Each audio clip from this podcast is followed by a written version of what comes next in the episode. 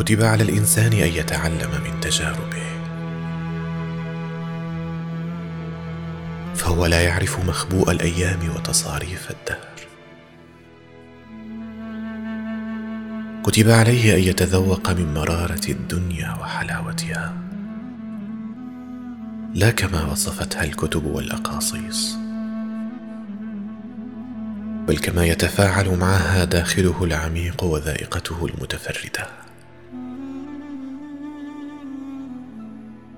كتب على الإنسان أن يمارس الحياة وأن يتفاعل معها كما لو كانت ابنته الوليدة. فتصفعه بتقلباتها وتقبل عليه بحبها.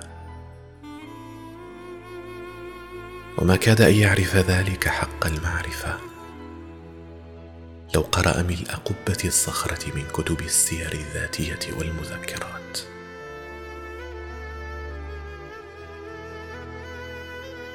بقلم عبد الله الرحمن.